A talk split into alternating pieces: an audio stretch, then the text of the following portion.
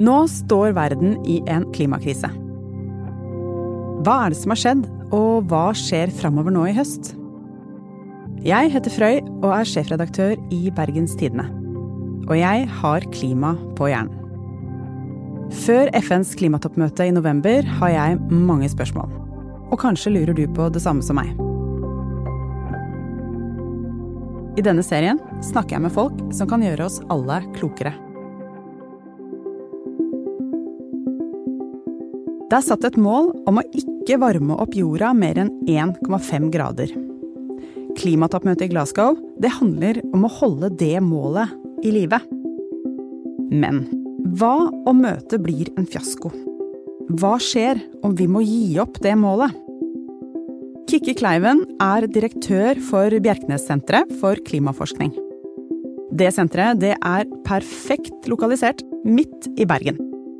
Og der drives det forskning i verdensklasse på hvordan klimaet og været vil være i fremtiden. Og velkommen til deg, Kiki. Tusen takk, Frøy. Vi skal kunne si med troverdighet at vi har holdt 1,5-gradersmålet levende. Det har Alok Sharma, som er president for klimatoppmøtet, satt som mål. Kiki, før var det snakk om togradersmålet. Hvorfor kunne vi ikke bare holde oss til det? Vel, I 2018 så kom jo FNs klimapanel med det som vi kaller for 1,5-gradsrapporten. For Det var veldig viktig for oss klimaforskere å vise at det er en stor forskjell på en verden som er varmet opp til 1,5 grad, og en verden som er varmet opp til 2 grader. Og eh, den halve graden som denne oppvarmingen består i, da, så er det veldig store utfordringer for store deler av klimasystemet. F.eks. et økosystem som veldig mange i verden er avhengig av, som de store tropiske korallrevene. Altså I en 1,5 graders verden så risikerer vi at opptil 70% av de korallrevene faktisk er dødd ut. Så selv ved 1,5 graders oppvarming så vil det aller meste av korallrev i verden bli borte? Ja. Og det er akkurat det denne rapporten viser, nemlig at selv ved 1,5 grader så er det veldig mange av klima kan du si, systemene i verden, men også økosystemene og naturen, som allerede har reagert veldig kraftig. Men hva da med togradersmål, altså to graders oppvarming? Hva skjer da med korallrevene? Ja, akkurat Når du da varmer opp en halv grad til, så er 98 det vil Si nesten alle tropiske korallrev i verden dødd ut. Og det som vi forskere snakker om da, er at da har vi fått endring som kanskje er irreversibel. Altså, den kan ikke tilbakeføres for noen av disse økosystemene. Har vi klart å bevare 30% av korallrevene og klarer å, å, på en måte balansere oss ut på 1,5 grad, så har vi tross alt korallrev som kan vokse igjen. Forsvinner et helt økosystem, så er ikke det sikkert at det kan reetableres. Og dette gjelder jo for økosystem som er nærmere oss også, som f.eks. sjøisen i Arktis, hvor under denne det er et fantastisk økosystem som går helt opp til de største dyrene i Arktis. Så kan man si at det er det som er den store forskjellen mellom 1,5 og 2 graders oppvarming at hvor irreversible endringene er? Eller gjelder det bare spesifikt for korallrevene? Nei, nei, det gjelder spesifikt for mange av de store økosystemene i verden. Altså Det gjelder for regnskogen, korallrev, det gjelder for arktisk sjøis. Og dette er jo områder som har også et veldig stort biomangfold. Så det, det, er veldig spesielt. Du har både til lands og, og til havs og, og på høye breddegrader hvor disse klimasystemene stresses enda mer. For det, det, som skjer når du varmer opp mer, er at du tilfører da mye mer energi i atmosfæren. Altså Luften rundt oss blir varmere, havet blir varmere. Og så transporteres jo denne varmen rundt på jordkloden, slik at alle klimasystemene i verden blir påvirket av dette. Det er ingen steder som er upåvirket. Men vi ser jo også det at eh, med et varmere klima, så får du også da f.eks. mer ekstremvær. Rett og slett fordi at du setter nesten været i dag på hormoner. Jeg pleier å si det at eh, det været som ble dannet når du og meg var liten, det er helt annerledes enn det været som ble dannet i dag. Fordi at vi har varmet opp kloden i dag allerede 1,2 grader. Hm. Vi skal gå gjennom litt uh, forskjellige deler altså, ulike elementer når det er knytta til uh, disse målene. Men, men hvorfor jobba vi da mot togradersmål før? Altså, hvorfor snakka man i det hele tatt om å prøve å nå to grader når det er når det ikke er godt nok i det hele tatt? Togradersmålet var jo Jeg pleier ofte å si at det var et politisk satt mål. Jeg skal ikke si at det er helt tenkt på et tall, for det var jo fundert på en del av forskningen som var kommet ut. Men det er klart at når vi ser og fikk veldig mye mer detaljgrad på hvor vi kan beregne oppvarming og risikoen inn i forskjellige, altså sånn 1,5, 1,6, 1,7, 1,8, der man faktisk kan gå inn på hver eneste tidels grad og se hvordan dette påvirker ulike deler av klimasystemet, så var det på tide å virkelig ringe litt med klokken og si det at hallo, det, dette her kommer ikke bare med en kostnad for oss mennesker og kostnad for samfunnet. Her kan det bety at det er deler av verden hvor det blir mye mye farligere å bo. F.eks. hetebølger. Så er det jo sånn at eh, ekstreme hetebølger i en 1,5 graders varmere verden, da er det sånn 0,3 grader varmere enn i dag. Så er det 9% mer av befolkningen som utsettes for den type ekstreme hetebølger som vi så i USA i sommer. Men i en tograders verden så snakker vi om 28% av verdens befolkning som vil utsettes for denne typen ekstreme hetebølger. Det tar liv. En skogbrann som brøt ut nær Californias delstatshovedstad for noen dager siden, har på ett døgn blitt åtte ganger større. Den sluker alt som kommer i dens vei. Skogbrannen i California, som har fått navnet Kaldor, dekker nå et område på 218 kvadratkilometer. When I rode up here, I had tears. It just, it's, it's unreal that the fires can get away so fast and do this kind damage. You know, this is beautiful. Tusener har blitt bedt om å forlate sine hjem idet brannen raser ukontrollert gjennom Eldorado National Forest. Kaldorbrannen er en av mange skogbranner som er aktive i det vestlige USA. Mm, pretty shook up, worried about the house, you know. It's a terrible thing to lose everything you own. Det brenner fortsatt flere steder i Sør-Europa. Her ser vi bilder fra flammene på Vilia nord i Hellas. Men skogbrannene har også herjet med både Portugal, Spania, Frankrike, Kroatia og Italia gjennom hele sommeren. Sør-Italia har hatt tre ganger så mange branner som vanlig. Ved 1,5 grader, hvis vi klarer det, 10% av jordas befolkning ja. cirka, som vil oppleve hetebølger. Men hvis vi ikke klarer det, så er det 30 ja. av befolkningen som vil oppleve den type mm. hetebølger. Ok. Men, eh, men, du nevnte at det var eh, eller mer eller mindre politisk satt mål, det togradersmålet. Betyr det at, at, det er mer realistisk å klare det? At eh, man satte seg et mål som man kanskje hadde sjanse til å, skal, å, nå? Jeg skal ikke si at det, det, er så enkelt som å ta en tur i parken, for de fleste av verdens land har virkelig alvorlige problemer med å levere det som de har sagt de skal levere med hensyn til kutt på, på Parisavtalen. Men det er klart at horisonten opp mot to grader er mye lenger. Men hva, hva styrer vi mot nå? Hvis vi bare for å, for å minne oss på det. Hva ja, Vi må jo være helt ærlige på det som klimaforskere, at, at, den kurven som vi ser på, den knakk litt nå i, i covid-året. Da hadde vi ett år hvor vi klarte å kutte de globale utslippene med 7 men med en gang samfunnet rundt i verden kom tilbake online igjen, og, og, folk begynte å fly og reise, og vi begynte å produsere igjen og transportere varer rundt i verden, så var vi ganske raskt tilbake igjen på den kurven som peker mot en 3,7 graders varmere verden. Det, altså det må vi også være ganske ærlige på, at vi ser jo ikke de store politiske trekkene. altså Selv om EU nå har store ambisjoner, USA kobler seg tydelig på i klimapolitikk og og Kina bl.a. er veldig bekymret for forurensning og tar grep, så er det ingen av de store utslippslandene som har knekket kurvene sine med hensyn til utslipp. Ok, Så 3,7 grader, det er jo Det skal vi kanskje ikke snakke om engang, hvordan det vil sette ut da, men det Ja, Nei, det, det er en veldig annerledes verden. Det er, en, det, det derfor snakker vi om farlige klimaendringer. Men det er hvis man ikke gjør skal ja. vi si, noen ting, da. Mm. Og vi kan vel si at det er vel de fleste land har vel tross alt ganske klare ambisjoner om å få den kurven til å knekke, ja. og en ganske klar intensjon. Så ja, jeg tror ikke vi kommer til å se de høye temperaturene. Jeg tror det har sunket godt inn i, i verdenssamfunnet og hos ledere. Og ikke minst også eh, de som skal tjene penger på altså business og industri. De har agert, syns jeg har agert veldig, veldig godt på klimautfordringene. Så, så, sånn sett er jeg optimist for at vi ikke skal komme opp over tre grader. Absolutt ikke. Nei.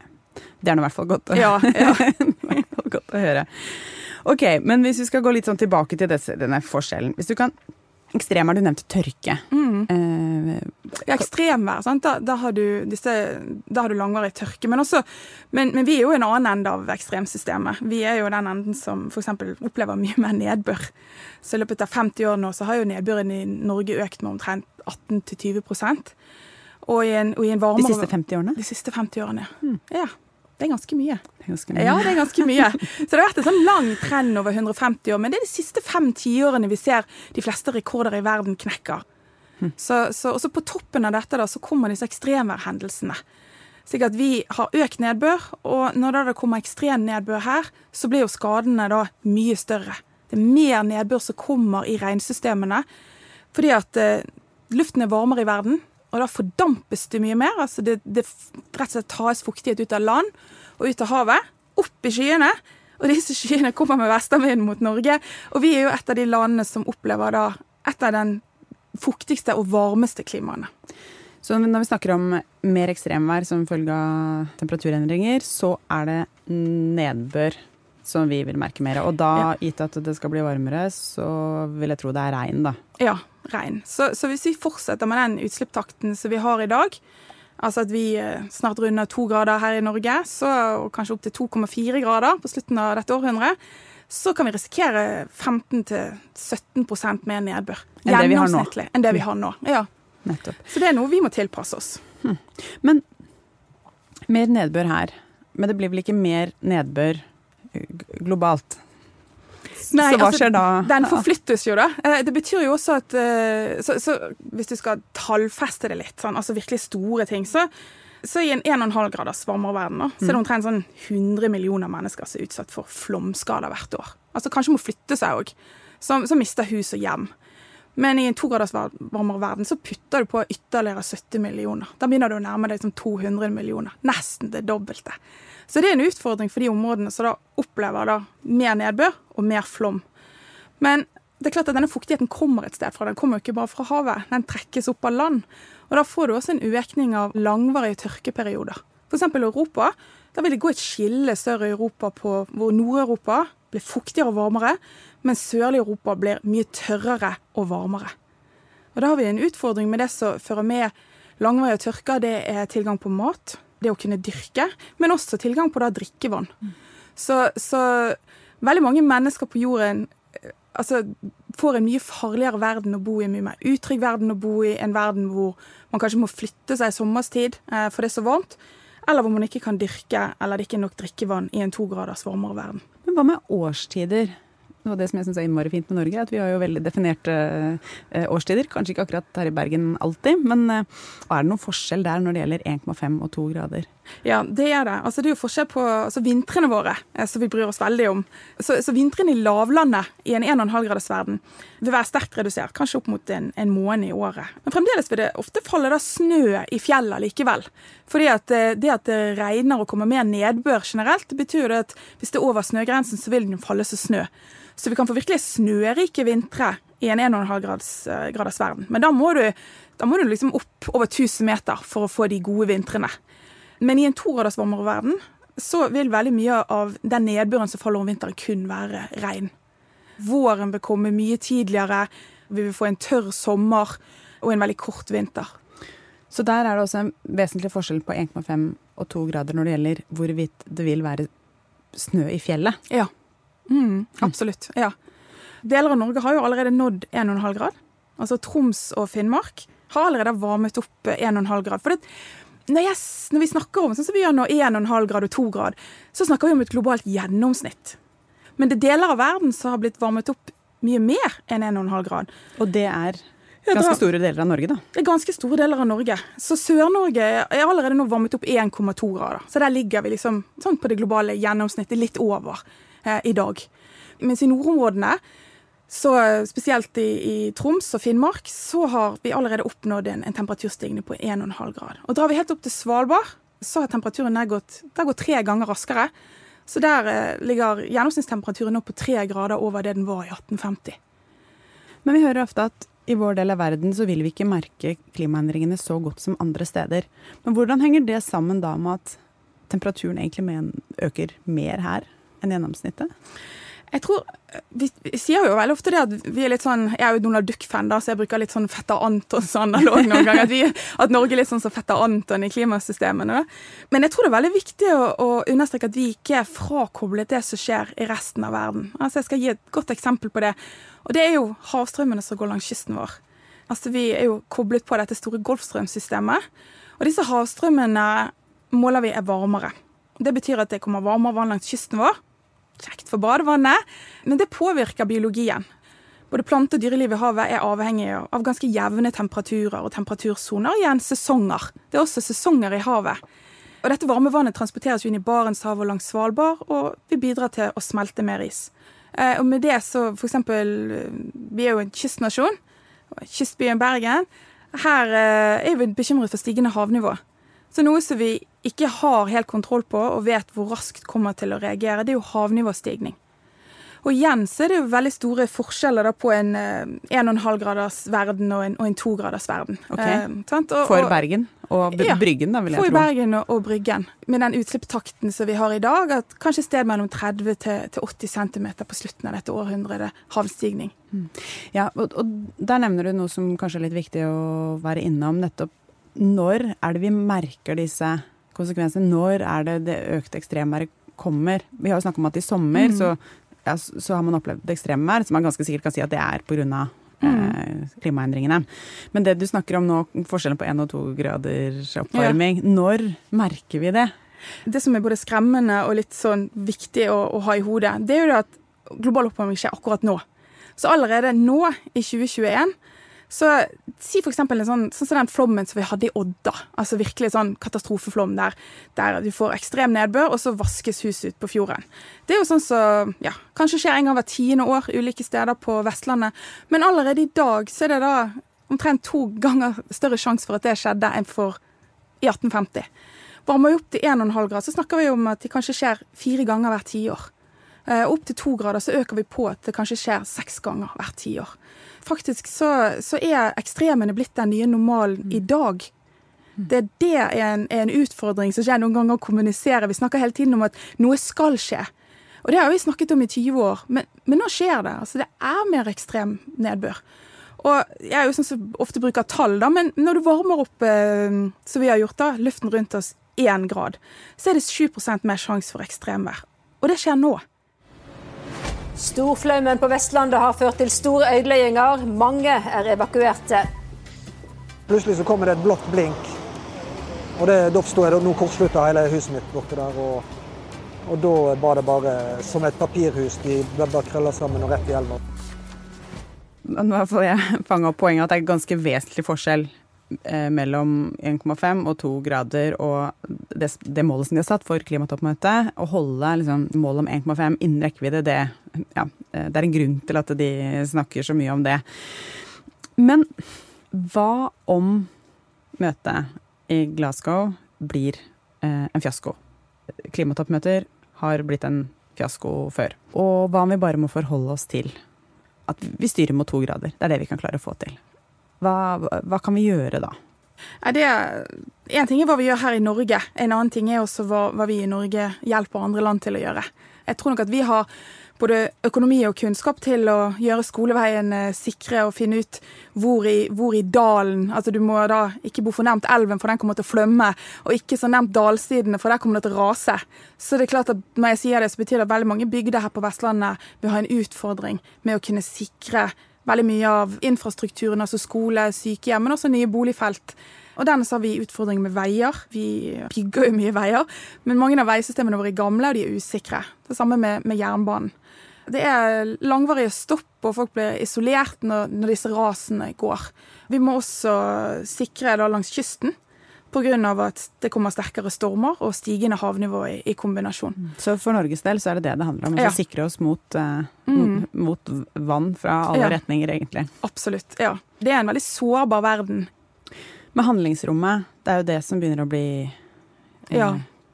Ja, I de siste FNs klimarapport så er rapporten veldig tydelig på at det er ikke for sent. Altså, Det er faktisk teoretisk mulig fremdeles å holde global oppvarming til under 1,5 grad. Det er et viktig poeng. Det er utrolig viktig glemme. poeng. Og jeg er jo en av de som er fremdeles klimaoptimist og holder alvorlige foredrag med et smil i munnen og er optimist. Og jeg har veldig tro på at verdenssamfunnet vil finne sammen i Glasgow.